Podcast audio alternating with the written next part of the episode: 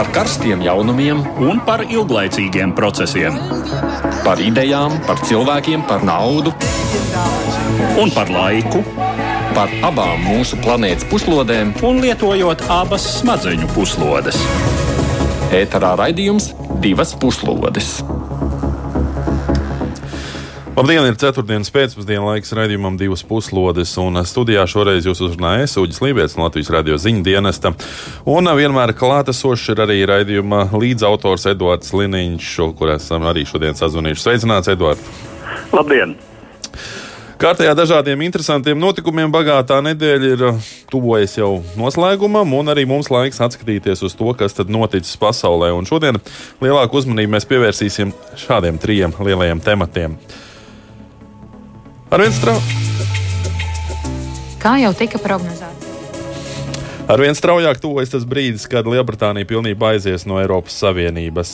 Jau šī gada beigās Briti ir plānojuši pilnībā izstā, pamest Eiropas ietekmes sfēru, un pašlaik gan joprojām aktuāls ir jautājums ar vienošanos par turpmākajām tirzniecības attiecībām vai bez.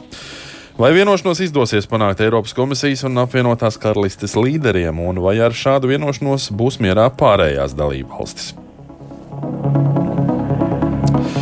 Arī otra šīs dienas tēma saistīta ar Eiropas jautājumiem. Šajās dienās Eiropas līderis spriež arī par nākamo Eiropas Savienības budžetu, ko līdz šim ir bloķējuši bloka sliktie zēni - Polija un Ungārija. Jaunākā informācija gan liek cerēt, ka jau šodien var tikt panākta vienošanās, kas abu valstu iebildumus varētu novērst. Ko vienai vai otrai pusē var nākties ziedot un ko tās var iegūt, lai jaunais budžets tiktu laikus pieņemts. Startautiskā olimpiskā komiteja šonadēļ ieviesa pagaidu sankcijas pret Baltkrievijas Nacionālās olimpiskās komitejas vadību, tostarp arī Aleksandru Lukašenko un viņa dēlu, liedzot šīm personām apmeklēt arī nākamā gada Olimpiskās spēles Tokijā. Olimpiskās komitejas lēmums faktiski liedz Baltkrievijai rīkot arī citus pasaules mēroga čempionātus, tostarp nākamā gada hokeja čempionātu, kuru bija paredzēts rīkot kopīgi ar Latviju. Vai Olimpiskās komitejas lēmums ir pamatots un vai ir jājauc sports ar politiku? Šos temats tad arī kopā ar ekspertiem tūdaļ sāksim šķietināt, bet sāksim mēs ar Brexita bezgalīgo stāstu.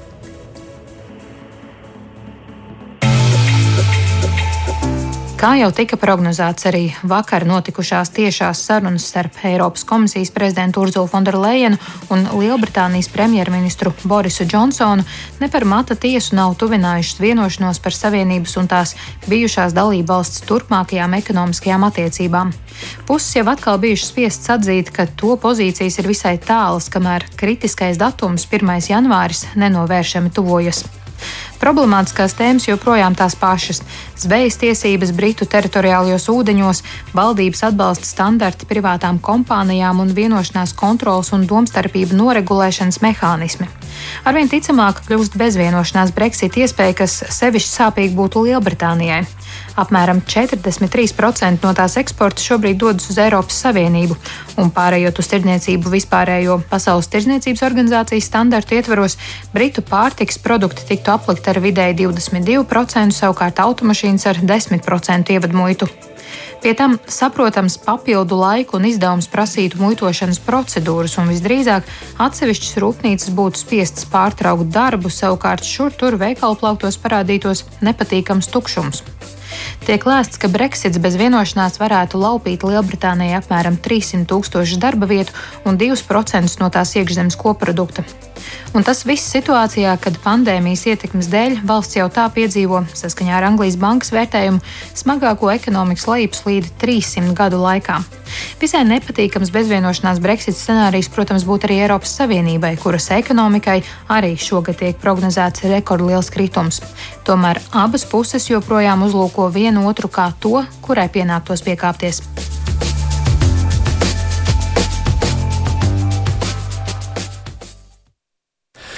Un šajā brīdī mums ar Eduardu pievienojas Latvijas Universitātes un Rīgas juridiskās augstskolas pasniedzējs, Latvijas ārpolitikas institūta pētnieks Aldis Austers, kurš būs ar mums kopā visu šo stundu sveicināti. Labdien! Nu, laikam jau gribētu sākt ar to, ka bieži vien mums pašiem nedaudz piemirstas, ka faktiski Brexits jau ir noticis. Tagad ir jautājums, kā dzīvot pēc Brexita. Jo nu, pavisam drīz jau pēc trijām nedēļām beigsies arī šis atvēlētais pārejas periods. Un, Nu, varētu teikt, ka tas bija dots laiks domu sakārtošanai un arī nepieciešamo krājumu iepirkšanai krīzes gadījumam. Uh, Austerkungs, vai jums liekas, ka abas puses šos mājas darbus ir pietiekami labi paveikušas? Labs jautājums. Es domāju, ka nē. Patiesībā šīs sarunas ir atklāja, cik, um, um, cik daudz, cik um, izplatīta ir stereotipiska domāšana par partneriem Lielbritānijā, par Eiropas Savienību un Eiropas Savienībā par Lielbritāniju. Un, uh, jāsaka, ka patiesā sarunas ir tikai tagad, tikai sākušās. Un šiem būtiskākiem jautājumiem, nu, vai izdosies panākt vienošanos līdz gada beigām, nu, grūti šobrīd spriest. Jāpiekrīt, ir, ka protams, nevienošanās un haoss uz robežām pēc 1. janvāra būtu sāpīgs trieciens Lietuvas ekonomikai jau šajās grūtajā situācijā dēļ Covid pandēmijas. Bet vai tiešām um, Boris Džonsons piekāpsies vai Eiropas Savienība piekāpsies savās pozīcijās, nu, ir grūti vēl patreiz spriest. Ir jāuzdod jautājums, kāpēc vispār Boris Džonsons devās uz Briseli, lai tiktos ar Lūdzu Fonderlainu. Um, kāds bija tas, kāds bija tas um, mm, tas zemteksts, vai tas bija parādīšana saviem vēlētājiem, ka lūk, es cīnos, lai gan uh, par rezultātu neesmu pārliecināts. Vai arī neizpratni par to, kas īsti nosaka toni Eiropas Savienībā. Jo Uzlu Fonderlaina, lai ir komisijas prezidents, viņa tomēr nenosaka šo sarunu mandātu. Tā vietā patiesībā Džonsonam būtu bijis jābrauc uz Berlīni vai, vai uz Parīzi. Jā, nu, ziņas no Lielbritānijas ir pretrunīgas. Un, protams, risks ir palielinājies būtiski, ka varētu arī nebūt vienošanās. Uh, viss pašlaik grozās ap zivīm un nozveju. Un es braucu uz darbu un domāju, nu, ja es būtu brīts, man tie eiropieši tiešām nu, reāli kaitinātu. Nu, nav tā, ka, nav tā kā pa daudz prasīts. Nu, ir taču kā neloģiski. Jūs aiziet, bet mēs gribam, un mums pienākas zvejot jūsu teritoriālajos ūdeņos. Turklāt vēl tajos, kuros mēs gribam. Nu, es tagad no britu pozīcijas runāju. Uh, Edvards, es eh, tev šoreiz prasīšu, nu, nav jau viss, protams, tik viennozīmīgi un tik vienkārši. Un zīvis jau ir tikai tāds simbols, laikam jau. Jā, tas vārds simbols nereiz vien ir izskanējis arī eh, ziņu kanālu reportāžās. Nu, piemēram, eh, šorīt pat skatījos CNN korespondentes sarunu ar britu jūrniekiem jūrā. Viņi bija ar kuģīti iebraukusi un sarunājās eh, pa skaļruni ar eh, jūrniekiem, eh, kuri šobrīd tur zvejo. Tur arī izskanēja tas, ka šī ir simboliska lieta, tās zvejas, tās zvejas tiesības, jo tas tiešām ir saistīts ar teritoriālajiem ūdeņiem, ar robežu un tādu ļoti tiešu suverenitātes izjūtu, par ko jau mēs arī agrāk esam runājuši. Jo faktiski no ekonomiskā viedokļa uh, zvejniecība arī Lielbritānijas ekonomikā sastāda, eh, manuprāt, mazāk par procentu. Eh, bet eh, tas, ka tieši jā, Eiropiešu, kontinenta Eiropiešu kuģiem vairs nebūs tā brīvi zēģelēt un, un zvejot Britu ūdeņos, tā ir, mm, tā ir, tā ir tā situācija, kas lielā mērā simbolizē Brexita ieguvumus. Tātad mūsu ūdeņi tagad ir mūsu pašu. Nu, no otras puses, jā, protams, Britu ūdeņos ir vairāk zivju, kas interesē Eiropas zvejniekus, bet, nu, ja mēs paskatāmies, cik daudz britu preču tiek vests uz Eiropu un tur pārdots, un līdz šim bez ievedmuitas, tad tas ir tas, ko var savukārt likt pretī. Jūs vedat 43% no sava eksporta uh, uz uh, mūsu teritoriju uh, un gribat, lai mēs no tā nepelnītu ne centu ievedmuitās. Ja, tā varētu būt tā pretējā pozīcija. Tātad nu, katram ir šai spēlē savi trumpi. Uh, un uh, it kā jau no vienas puses, jā, Eiropai tie šķiet stiprāki, uh, Uh, bet um, ja šķiet, ka Aldis arī vienā no iepriekšējām sarunām teica, ka drusku to visu tā nu, saka, pārklāja ar tādu drūmu plīvuru šī pandēmijas situācija.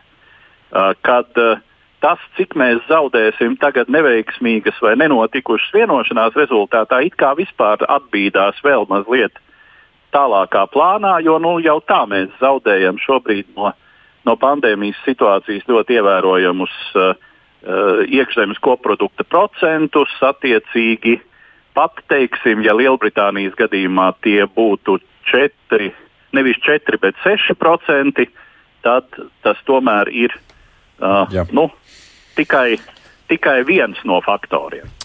Um, Austerkungs, es gribētu jums prasīt, Eiropas komisija šodien publiskoja savu rīcības plānu šiem bezvienošanās scenārijiem potenciāliem.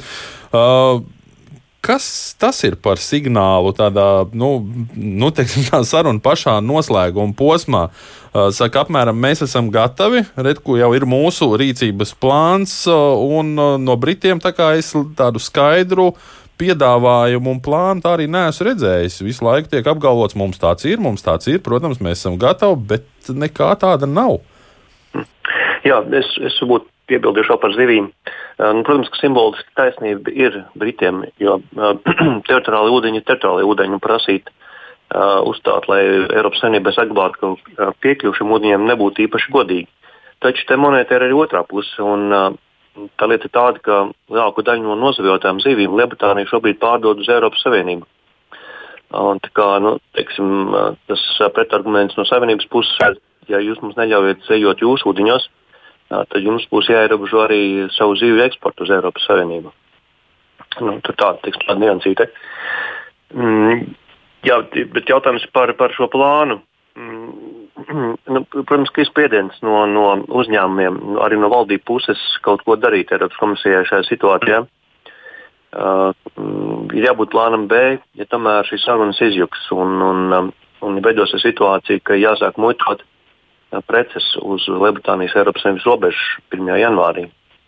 Tā kā nu, ir pilnīgi normāls solis. Un, un, un, un patiesībā tam plānam vajadzēja būt ātrāk. Šādam plānam vajadzēja būt ne tikai Eiropas Savienības līmenī, bet arī jau katram uzņēmumam, ko viņi darīs situācijā, ja tomēr tās lietas aiziet šķīvi. Man ir sajūta, ka, lai nu kas, bet uzņēmumi tiešām šādiem scenārijiem ir gatavi. Man vienmēr ir jautājums par politiķiem. Un, un starp citu, man, man ir arī pārliecība, ka daudzās dalību valstīs arī visi atbildīgie dienesti jau pavasarī bija gatavi šim bezvienošanās scenārijam, un tie plāni jau bija gatavi tajā laikā. Bet vēl runājot par sarunām, jums abiem jautājums cik liela loma tiešām šajās noslēguma fāzē ir uh, galvenajiem sarunvedējiem, uh, Mišelam Barņē, Davidam Frostam, uh, Borisam Džonsonam, Urzulai Fonderlejenai, un jā, kur tad minētā Vācija? Kurš tad pieņems to gala lēmumu, jūsuprāt? Sāksim ar šoreiz ar Eduardu. Nu, droši vien te ir jāskatās, ja tu piesauc konkrētas personības, tad uh, kāda ir šo cilvēku, šo uh, individu uh, politiskā pozīcija. Un te pirmām kārtām, protams, interesants ir Boris Džonsons, kura nostāju līdz šim lielā mērā ir noteikusi viņa politiskā inerce un tas, uh, ka uh, viņš šais sarunās ir tik strikts Um, nu, tā ir, tā ir teiksim, viņa un arī, protams, um, Torija partijas līdz šim īstenotā politika, uh, kas, uh, kuras rezultātā faktiski mēs neredzam šobrīd Lielbritānijas parlamentā uh, Farāžu un viņa uh, breksitistus, uh, kas izdarīja šo, uh, izdarīja šo darbu. es kā šodien atceros to preses konferenci, uh, Tūdaļ pēc izstāšanās vienošanās parakstīšanas, kad bija skaidrs, ka Lielbritānija aiziet no Eiropas Savienības, Farāžs uzstājās Briselē, aiziedams no Eiropas parlamenta, un viņš, to, viņš sevi pozicionēja kā sava, sava mūža darbu paveikušu politiķi un faktiski teica, ka viņa politiskā karjera līdz ar to arī varētu noslēgties. Un, lūk,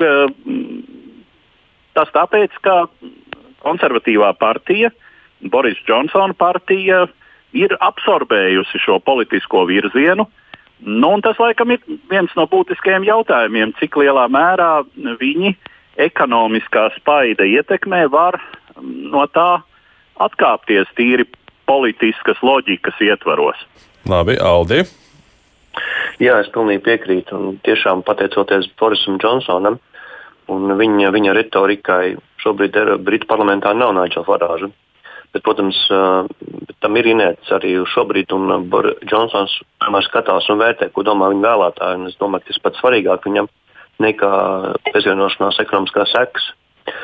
Un, diemžēl, jā, nu, tas vēlētājs joprojām ir diezgan, diezgan uzstājīgs, nepiekāpties. Un, un, ja mēs ieliekam sevi Boris Džonsonu mm, kā čībās, tā teikt, tad mēs arī redzētu, ka nu, viņš patiesībā vēlas demonstrēt, kādas priekšrocības dod Lielbritānijas neatkarība.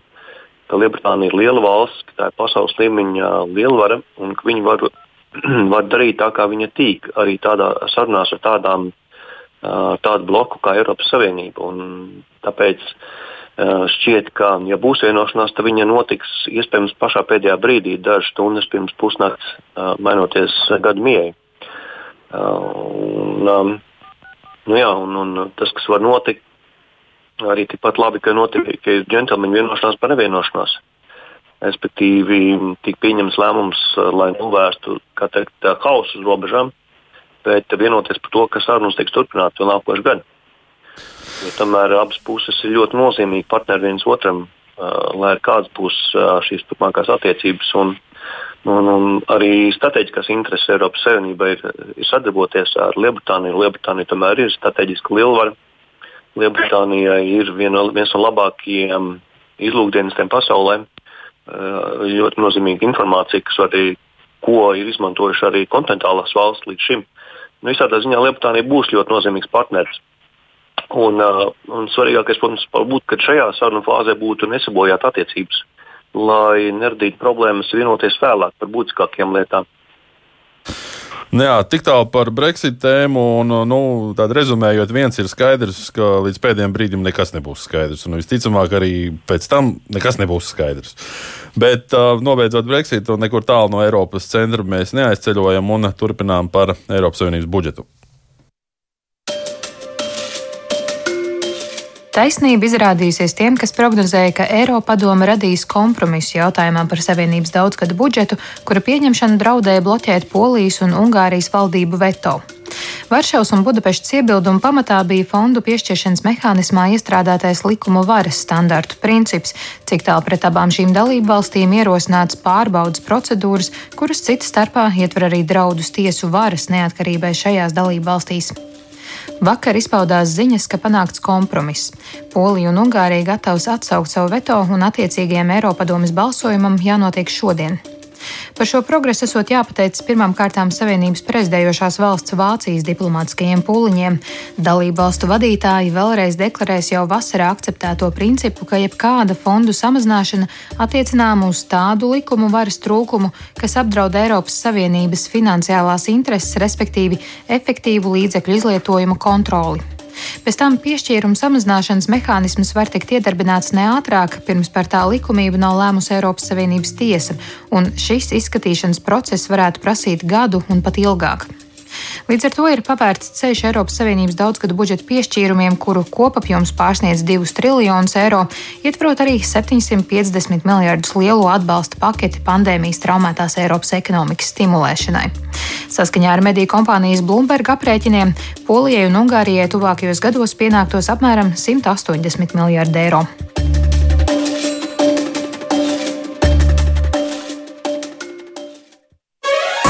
Divas puslodes! Atgādinām, ka šodien diskutējam kopā ar Aldi Austeru, Eduardu Liniņu, un šajā brīdī mūsu sarunai pievienojas arī no Nacionālās apvienības Eiropas parlamentā ievēlētais deputāts Roberts Zīles. Sveicināti! Labdien, labdien!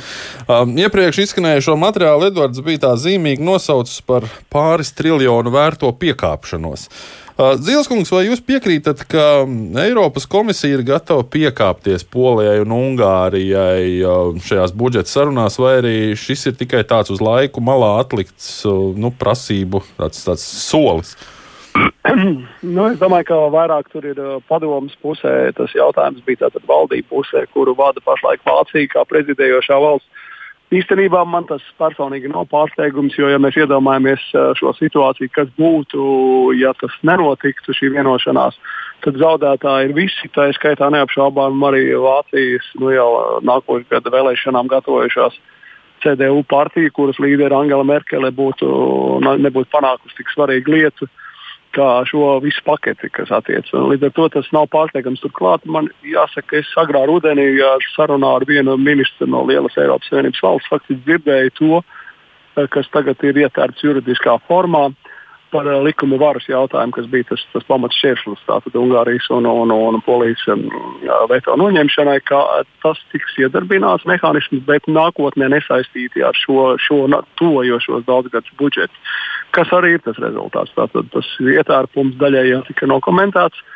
Uh, nu, vēl var teikt, ka viņiem nebūs atpakaļējoša spēka, respektīvi sāksies ar 1. janvāri šis jaunais periods, daudzgadu budžetu un tiks iedarbināts atjaunošanas fonda aizņemšanās resursi, tad, kad nacionālajie parlamenti to ratificēs, tā skaitā saima par uh, saistību uzņemšanās 0,6% apmērā no iekšzemes koprodukta. Un tad, uh, respektīvi, ja pēc kāda laika uh, būs kāda prasība pret Ungāriju vai Poliju vai kādu citu valsti, tad tas neatieksies uz sodīšanu ar naudu, ja tā varētu teikt, ar eiro par šo septiņu gadu laikā. Um, Latvijai, protams, arī ir nepieciešams šis jaunais Eiropas Savienības budžets un arī Covid-19 pēckrīzes atkopšanās finansējums. Un, manuprāt, daudzās valstīs nu, gribētos prognozēt, ka šī nauda tiešām ir jau ierēķināta budžetos. Un, No otras puses, uh, ir. Nav ierēķināta budžeta. Nu, ticiet man, kaut kur jau aprēķinos no, ir. Jā. Nu, nu, nav tik vienkārši. Nav, nav, nav viņi nāks klāt. Jā. Viņi skatās, ka viņi rēķinās un gatavo plānu, bet uh, nav. nu, nu, vai tad nu, tā varētu tik daudz solīt visu, ko? Nē, nu redziet, kā ir normāli, ka tas atjaunošanas fonds, kurā Latvija pienāksies grantos kādi 2 miljardi, varbūt pat vairāk, ja, ja tad būs 23. gada, ja būs respektīvi aprēķini būs atkarībā no tā, cik pandēmijas laikā būs e, ekonomika kritusi katrā valstī. Tā kā varbūt būs vēl vairāk, bet uh, katrā ziņā plus 2 miljardu aizņemšanās tiesībām caur Eiropas komisiju ar labiem, uh, izdevīgiem nosacījumiem. Tad, tad šī nauda iet, tā grantu nauda iet tikai investīcijām un tikai reformām. Respektīvi, viņas tas princips tiks uztverts tā, ka ar to nevar aizvietot nu, ikgadējos budžeta izdevumus, kas ir tā saucamie kārtējie izdevumi, tātad algas un tam līdzīgi. Tas, protams, ir mazliet absurdi, par ko mēs arī joprojām, starp citu, šī fonda darbības regula vēl nav apstiprināta. Es ļoti ceru, ka no nu, nākamās nedēļas beidzot parlaments ar padomu tiks galā, kurā es, man arī tā nu, tiesības ir piedalīties no savas uh, frakcijas puses. Uh, un, uh, tur tas rada problēmas. Un iedomājamies, ja mēs uztaisām visjaunāko par šo fonda naudu, ideāli vidē draudzīgu jaunu slimnīcu ar lielisku digitālu iekārtu, kas ir vēl viena prioritāte Eiropā. Un tā pašā laikā mēs nespējam pielikt attiecīgu ienākumu mediķi, med, medicīniskam personālam, gan ārstiem, gan mediķi, māsām, kas arī parāda pandēmijas uh, brīdī lielāko šauro vietu. Un šajā gadījumā skaidrs, ka dalībvalstī jārēķinās, ka viņai atalgojuma līmenis it kā tie izdevumi šajos trijos gados ir jāceļ. Lai arī tos nedrīkst aizvietot ar to investīciju naudas iztrūkumu, kas nāks no Eiropas šī kopējā kāpšanās, šī atjaunošanas fonda. Tur ir tāds mazliet tāda kalambūri, bet uh, es domāju, visas valstis līdz pēc jaunā gada sāks oficiāli iesniegt šos plānus. Un līdz aprīlim Eiropas komisijai vajadzētu viņus apstiprināt vai pilnveidot sarunās ar attiecīgo valsti, un tad nu, vajadzētu nākt 10% avansām. No šiem diviem miljardiem, piemēram, Latvijas gadījumā 200 miljonu. Um, Austerkungs, jums gribu prasīt, um, kādu vēstījumu šī nu, tirgošanās un uh, nu, atklātā pateikšana, ka mēs faktiski nu, varam izmantot dažādus mehānismus, kā Polija, Ungārija apiet. Kādu, kādu šis nu, vēstījumu nosūta citām valstīm arī?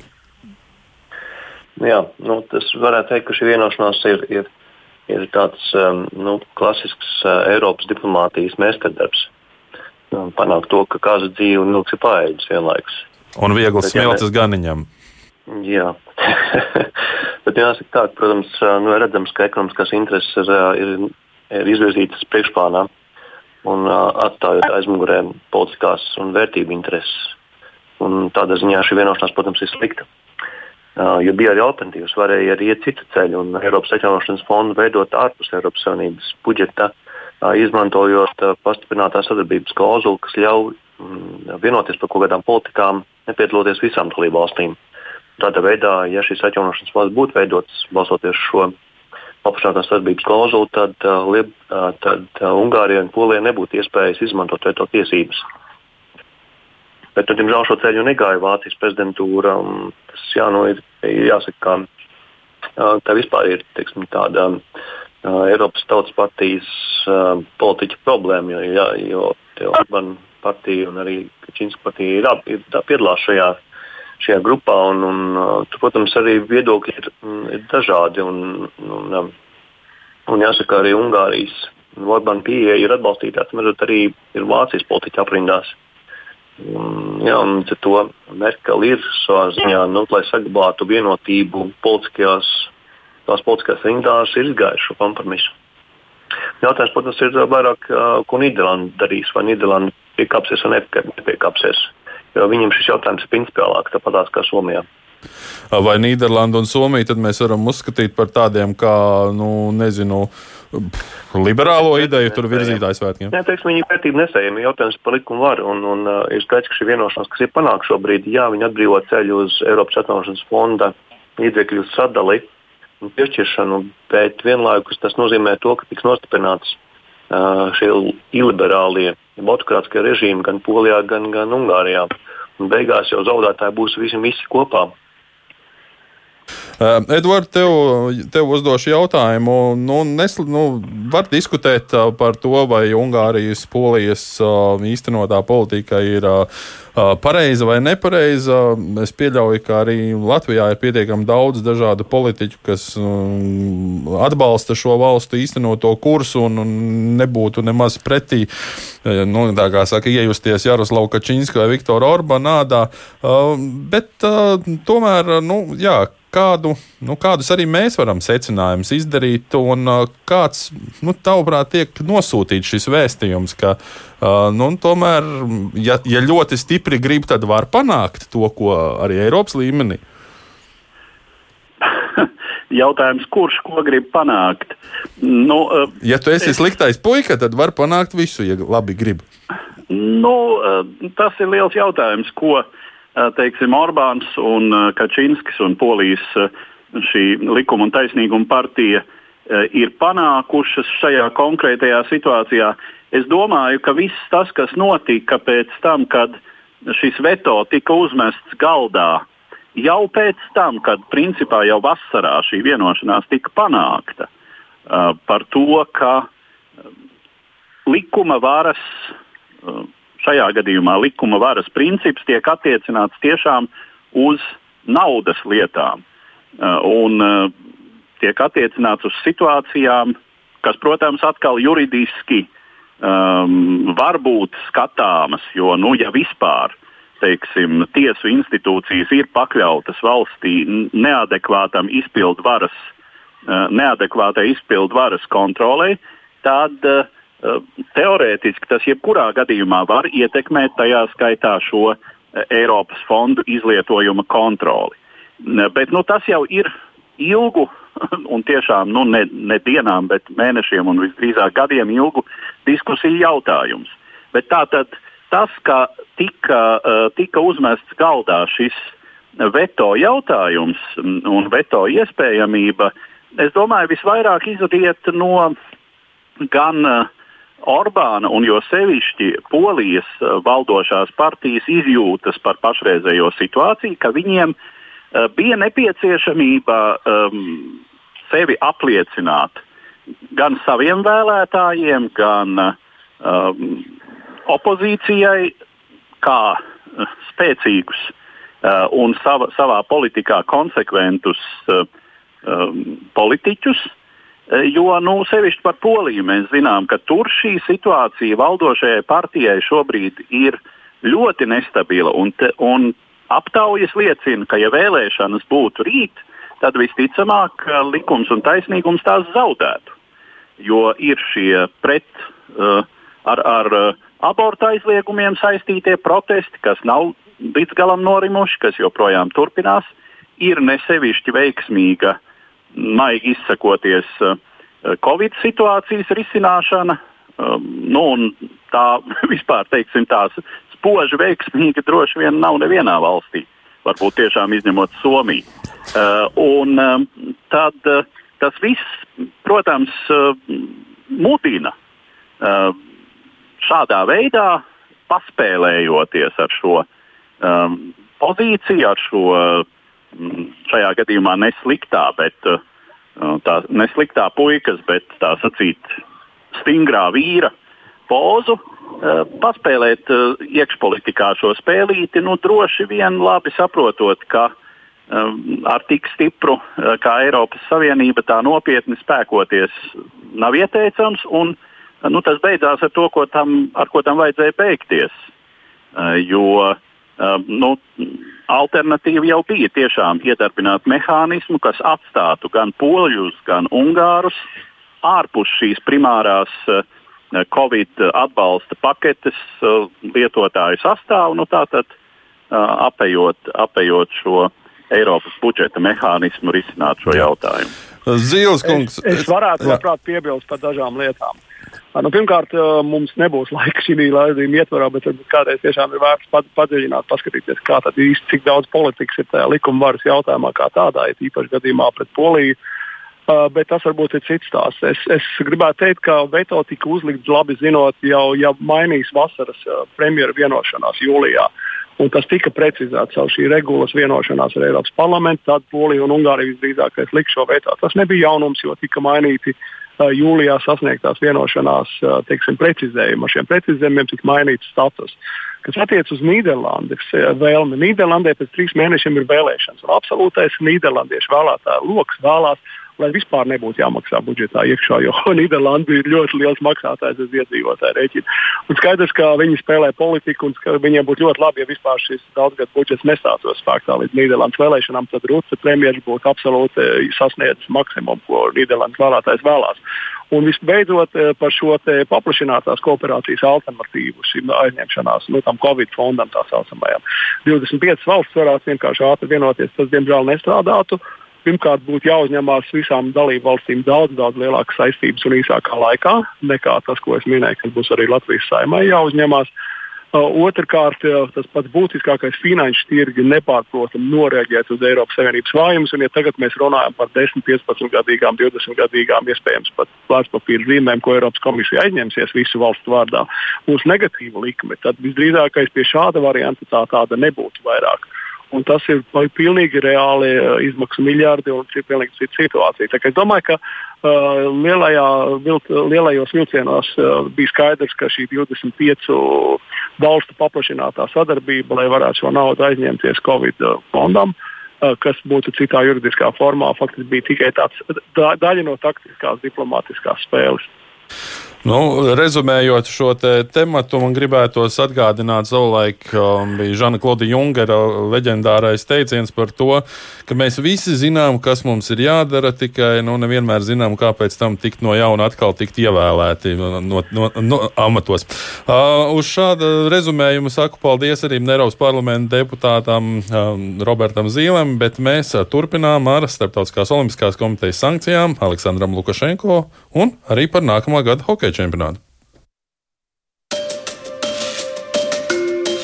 Otradienas Startautiskā olimpiskā komiteja tās priekšsēdētāja Tomasa Baha personā nāca klajā ar paziņojumu par sankcijām pret Baltkrievijas Nacionālās olimpiskās komitejas funkcionāriem, tā skaitā komitejas priekšsēdētāju, Baltkrievijas neatzīto prezidentu Aleksandru Lukašenko un viņa dēlu, komitejas pirmo vicepriekšsēdētāju un faktisko vadītāju Viktoru Lukašenko.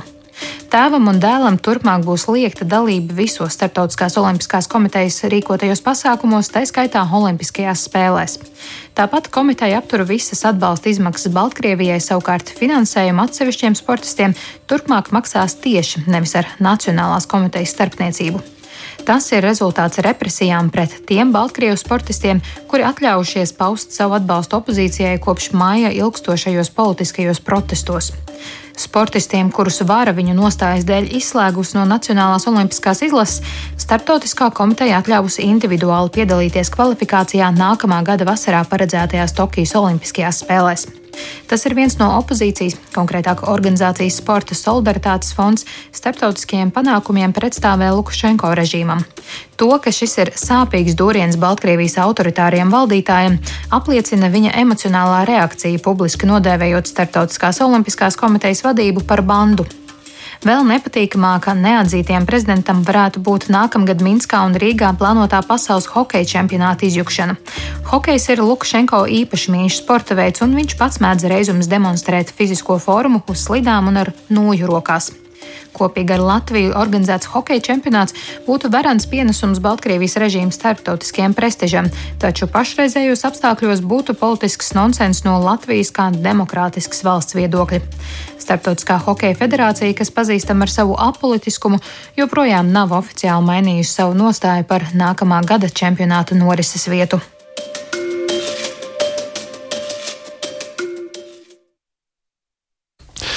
Un šobrīd mūsu sarunai pievienojas hokeja pasaules guru un eksperts, sporta žurnālists Jānis Matulis. Sveicināti! Labdien, paldies par labajiem vārdiem. Man uzreiz jums skaidrs jautājums. Būs pasaules čempionāts Minskā un Rīgā vai nebūs? Uh, vienā pilsētā simt punktu būs, vai būs abās uzreiz, to es nevaru pateikt. un otrs jautājums, kas izriet no šī arī iepriekš dzirdētā. Uh, Vai ir nepieciešams jaukt politiku ar sportu?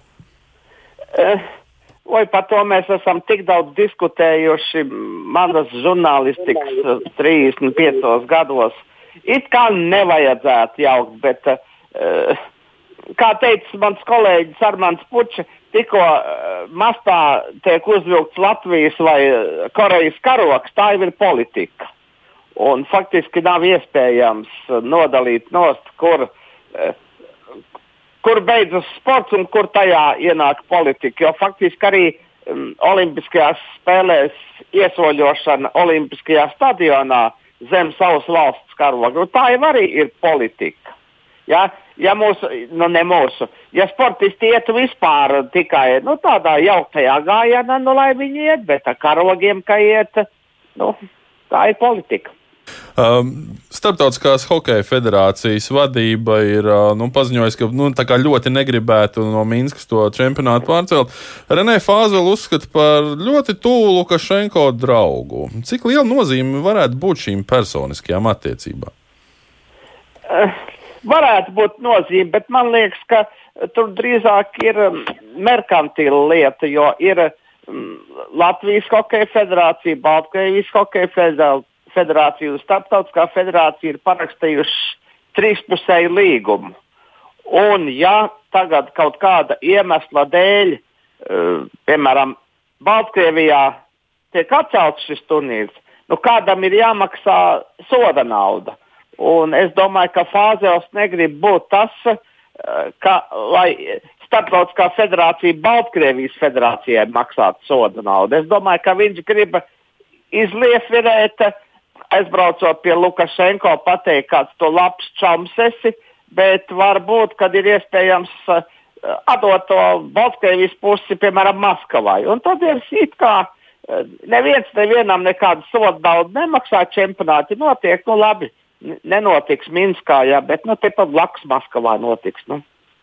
Nu, un šajā situācijā runājot par mūsu hokeja funkcionāriem, nu, es saprotu, ir sāpīgi apzināties, atzīt, ka nu, gar degunu faktiski nu, var aiziet diezgan liels pasākums, arī droši vien liels finansējums. Nu, kaut gan nu, no otras puses, tāpat nu, visu covid dēļ nu, ar baigo peļņu laikam rēķināties nevajadzētu. Varbūt pat ir izdevīgāk neko nerīkot, vai arī tomēr nu, gluži nav tā. Es domāju, ka gluži nav tā. Uz Latviju attiecas tieši tas pats, kas uz Baltkrieviju. Ja gadījumā uh, mūsu valdība vai parlaments pieņem lēmumu, ka mēs nevaram ar Baltkrieviem kopā rīkot čempionātu. Nu, tāds ir iespējams. Ja? Nu, tad uh, Latvijas Hokeja federācija, kā uh, pasākuma rīkotāja, maksās starptautiskajai federācijai šo atkāpšanās naudu. Ja? Nu, nu, es, tas ir tas, ko es zinu, kas apmēram ir tajos trīspusējos līgumos rakstīts. Ja? Kā tas notiks reālajā dzīvēm? Un, nu, es principā esmu optimists un es domāju, ka. Mm, Pie mums vismaz vidū, būs. Maija vidū Covid būs daļai uzvarēts un ka tribīnēs eh, varēs būt skatītāji. Vai simtprocentīgi pilnās tribīnēs to ir grūti prognozēt, bet es domāju, ka Rīgā būs tas skatītāju čempionāts.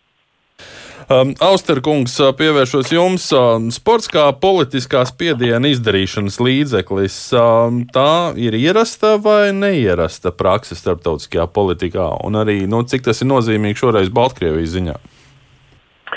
Jā, nu, protams, sporta jaukšana ar politiku tas, protams, nav labais tonis. Lai gan realitātē mm, nereti tieši pie sports ir ticis izmantots kā ģeopolitiskas um, spēka spēku demonstrēšanas instruments ģeopolitiskās spriedzes situācijās. Mēs atceramies PSRS laikus, um, kad tieši sporta sasniegumi tika izmantoti, lai tā teikt, leģitimizētu padomju varu pašā padomju savienībā vai demonstrētu tiem padomju savienības pārākumu. Nu, tāds ir noticis. Ja, ja mēs skatāmies uz šodienu un Baltkrievijas situāciju, Tad, protams, jautājums ir par, par sportistiem, par Baltkrievijas sportistiem, kādā situācijā viņi atrodas.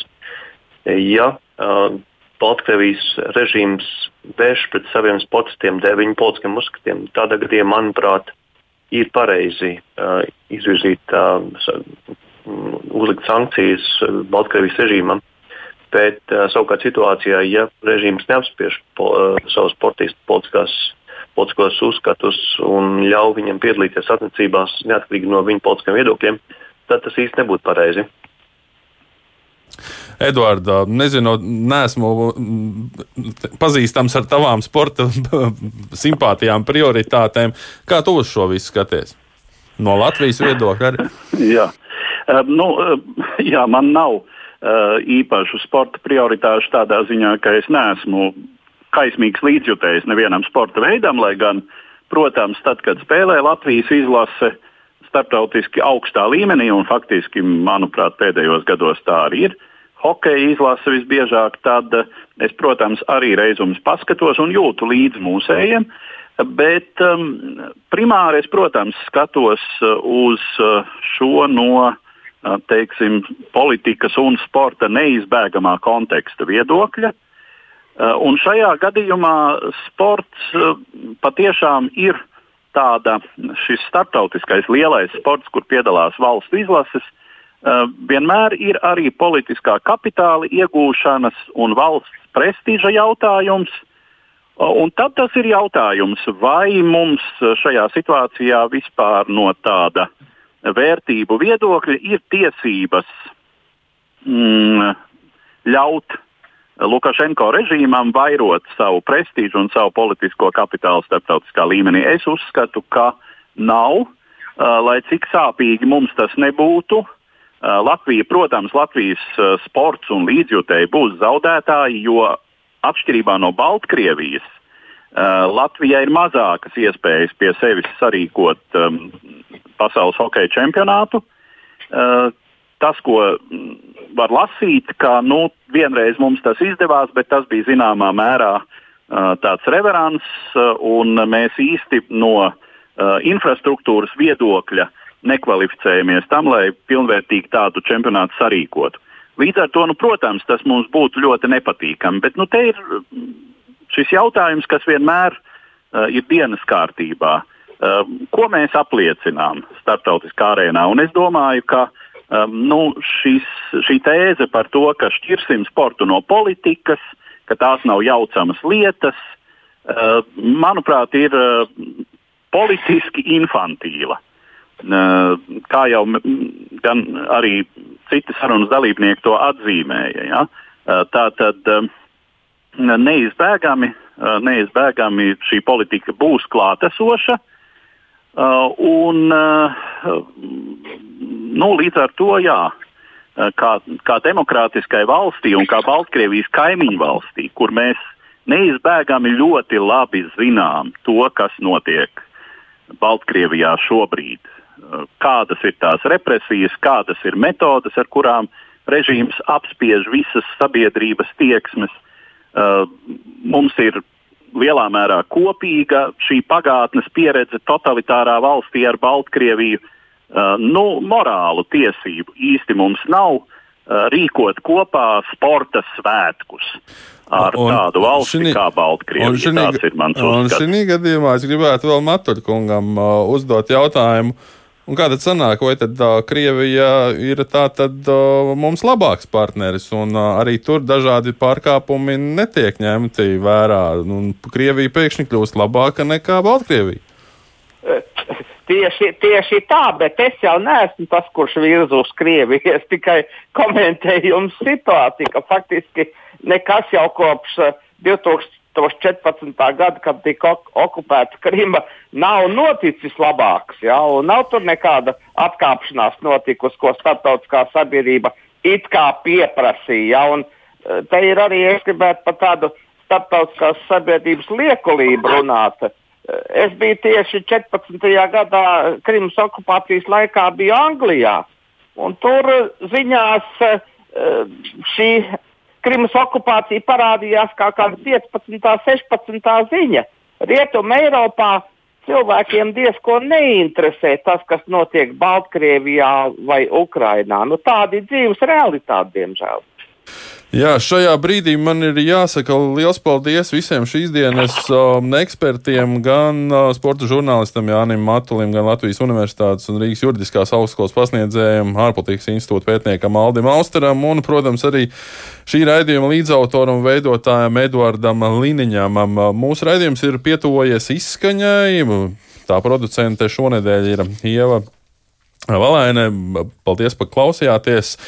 Divas puslodes pie jums atgriezīsies jau nākamajā nedēļā, bet vēl pirms um, raidījuma izskaņas par dažiem citiem šīs nedēļas svarīgiem notikumiem, par kuriem mēs vēl gribam jums pastāstīt. Lielbritānija šodien kļuva par pirmo rietumu valsti, kura ir sākusi plašu vakcinācijas programmu pret covid-19, izmantojot kompāniju Pfizer un BioNTech izstrādāto vakcīnu. Kamēr Eiropas Savienība šīs vakcīnas apstiprināšanu lietošanai plāno panākt vēl līdz gada beigām, Briti ar asarām acīs stāsta par to, kāds triumfs ir sasniegts gan zinātnē, gan sabiedrībai. Protams, netrūkst arī skeptiķi, kuri šaubās, vai jaunā vakcīna ir pietiekami efektīva un droša. Īpaši ņemot vērā, ka vairākiem britu mediķiem jau konstatēta alerģiska reakcija. Taču Pfizer vadība apgalvo, ka visa šī skepse bieži vien tiek pārlieku politizēta. Patiesībā pārbaudas esot bijis pat vairāk nekā citām vakcīnām, un arī laika ziņā saspiestais vakcīnas izstrādes process ir bijis kopumā ļoti caurskatāms. Sekojot Britiem un analizējot viņu pieredzi, arvien vairāk pasaules valsts sāk iepirkt un uzkrāt jaunās vakcīnas, izpelnoties gana lielu daļu kritikas arī no nabadzīgajām attīstības valstīm. Proti, lai arī sākotnēji tika likts uzsvars uz to, ka vakcīnai ir jābūt universāli pieejamai un vēlams nedārgai, Pašlaik tā vien liekas, ka daudz labākās pozīcijās tomēr ir bagātākās valstis un to iedzīvotāji. Jeb kā teikts, kādā vecā un visai sarkastiskā jokā, labāk būt bagātam un veselam nekā nabagam un slimam. Lai arī ASV prezidenta vēlēšanas noslēdzās jau pirms mēneša, un lai arī Joe Bidenis jau ir sācis veidot savu nākamo prezidenta administrāciju, līdzinājais ASV prezidents Donalds Trumps joprojām atsakās atzīt savu sakāvi par spīti tam, ka visi 50 ASV štati un Kolumbijas apgabals ir apstiprinājuši vēlēšanu rezultātus, kuri Baidenam dod 306 elektoru balsis, bet Trumpam 232. Un visticamāk, ka tieši šāds balsu sadalījums būs arī nākamajā pirmdienā, kad balsojums elektoru kolēģijā notiks. Taču Trumps joprojām turpina apgalvot, ka vēlēšanu rezultāti ir viltoti, pieprasot augstākajai tiesai anulēt miljoniem balsu Džordžijas, Mičiganas, Pensilvānijas un Viskonsinas štatos. Tā kā Trumpa komandas galvenais jurists Rudijs Giuliani pašlaik atkopjas no Covid-19, prezidenta jurista komandu vada Džons Īstmens, kurš pēdējā laikā izpelnījies kritiku ar rasismā balstītu sazvērestības teoriju, kas apšauba viceprezidenta amata izvirzītās Kamals Harisas tiesības pretendēt uz šo posteni, jo viņas vecāki ir bijuši imigranti. Kā norāda amerikāņu mēdīja, vairums republikāņu politiķi jau ir samierinājušies ar nepieciešamību nākotnē sadarboties tieši ar prezidenta Joe Bidena administrāciju. Vienīgā problēma - šo uzvaru joprojām neatzīst pašreizējais formālais republikāņu līderis - valsts prezidents Trumps. Politisko pārmaiņu priekšā nonākusi arī Rumānija, kur pagājušās nedēļas nogalē notikušajās parlamentu vēlēšanās uzvaru izcīnīja opozīcijā esošā Sociāldemokrāta partija. Tā apsteidza pro-eiropeisko Nacionālo liberālo partiju, kuru vadošais premjerministrs Ludoviks Orbāns jau nākamajā dienā pēc balsojuma atkāpās no valdības vadītāja posteņa. Taču tā vien liekas, ka arī šoreiz sociāldemokrātiem nāksies palikt ārpus valdības. Kā paziņoja bijušais liberāļu biedrs prezidents Klauss Johannis, līdzinājā valdība ir sodīta par Covid-19 pandēmijas laika smagajiem pasākumiem un ekonomisko lejupslīdi, Taču tieši liberālajai partijai esot lielāks izredzes atrast sabiedrotos un nodrošināt vairākumu parlamentā. Īpaši, ja pie stūres vairs nav premjerministrs Orbāns. Politikas komentētāji norāda, ka sociāldemokrāti visticamāk uzvaru no rokām tik viegli vis neizlaidīs un izvirzīs kādu visai spēcīgu kandidātu premjera postenim, tādējādi nostādot pašu prezidentu visai sarežģītas izvēles priekšā. Klaus Johannis, kurš iepriekš visai asi ir strīdējies ar sociāldemokrātiem, gan ir izteicies, ka līdz savu pilnvaru beigām 2024. gadā viņš redzēt sociāldemokrātu atgriešanos pie varas nevēlas. Un, ja jau pieminējām 2024. gadu, un ja jau pieminējām Startautisko olimpisko komiteju, Tad šīs nedēļas laikā SOK izpildu komiteja vienojās arī par četriem jauniem sporta veidiem, kuri tiks iekļauti 2024. gada Parīzes Olimpisko spēļu programmā. Un šie sporta veidi ir skateboards, surfošana, sporta kliņšu kāpšana un breika dejošana. Kā norādījis SOK ģenerālsekretārs Tomas Bachs, viena no galvenajām prioritātēm ir Olimpisko spēļu programmā iekļaut sporta veidus, kas ir īpaši populāri gados jaunu cilvēku vidū, kā arī ņemot vērā mūsdienu sporta urbanizāciju. Jāsaka, arī sporta dzīvē ienāk tādi jautājumi kā dzimuma vienlīdzība, un tāpēc Parīzes spēlēs vairs nenotiks 50 km soļošanas sacensības vīriešiem, kuras Olimpiskajā programmā bija kopš 1932. gada. Sporta funkcionāri ir izlēmuši atteikties no vīriešu disciplīnas, nevis izvēlēties radīt 50 km alternatīvu sievietēm. Tā vietā tikšot sarīkota kāda cita sporta disciplīna, kurā tiks pārstāvēti abi dzimumi.